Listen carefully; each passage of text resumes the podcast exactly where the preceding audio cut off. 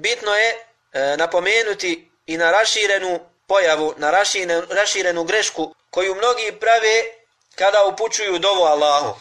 Pa kažu, na primjer, Allah ti se smilovao, inša Allah. Allah ti oprostio, inša Allah. Allah ti podario hajilo, hajili potomstvo, inša Allah. I slično tome. To je pogrešno, draga braća. Kada upućuješ dovu, ne smiješ govoriti, inša Allah. Jer onda dova nema smisla. To je kao da kažeš, Allahu oprosti mi, ako hoćeš. Pa jel hoćeš oprosti ili nećeš? Možeš reći, Allahu smiluj mi se ako hoćeš. Pa jel hoćeš da ti se Allah smiluje ili nećeš?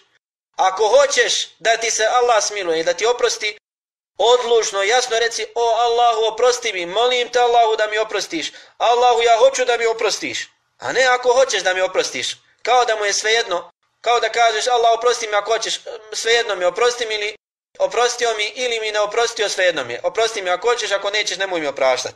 Zato kaže Allah poslanik, alaihi salatu wasalam, u hadithu kojeg su zabilježili Bukhari muslim, od Ebu Hurere radijallahu anhu, La yakul ahadukum, Allahumma gfirli in šit, Allahumma arhamni in šit, urzuqni in šit.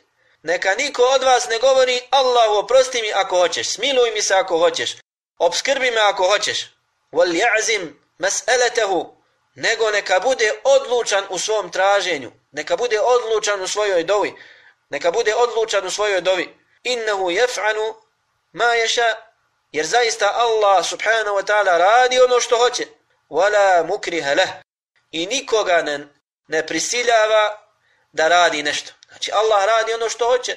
I kada doviš, ovdje kaže poslanik sallallahu alaihi sallam u hadithu, budi odlučan u dovi. I nemoj govoriti Allahu smiluj mi se ako hoćeš. Tako isto kod nas u dovi, kada dovi za nekog drugog, nemoj reći da ti se Allah smiluje inša Allah da završiš fakultet, inša Allah. Reci, molim Allah da završiš fakultet. Da, da, da ti Allah olakša ženitbu, inša Allah. Ne, reci da ti Allah olakša ženitbu. Nemoj dodavati, inša Allah.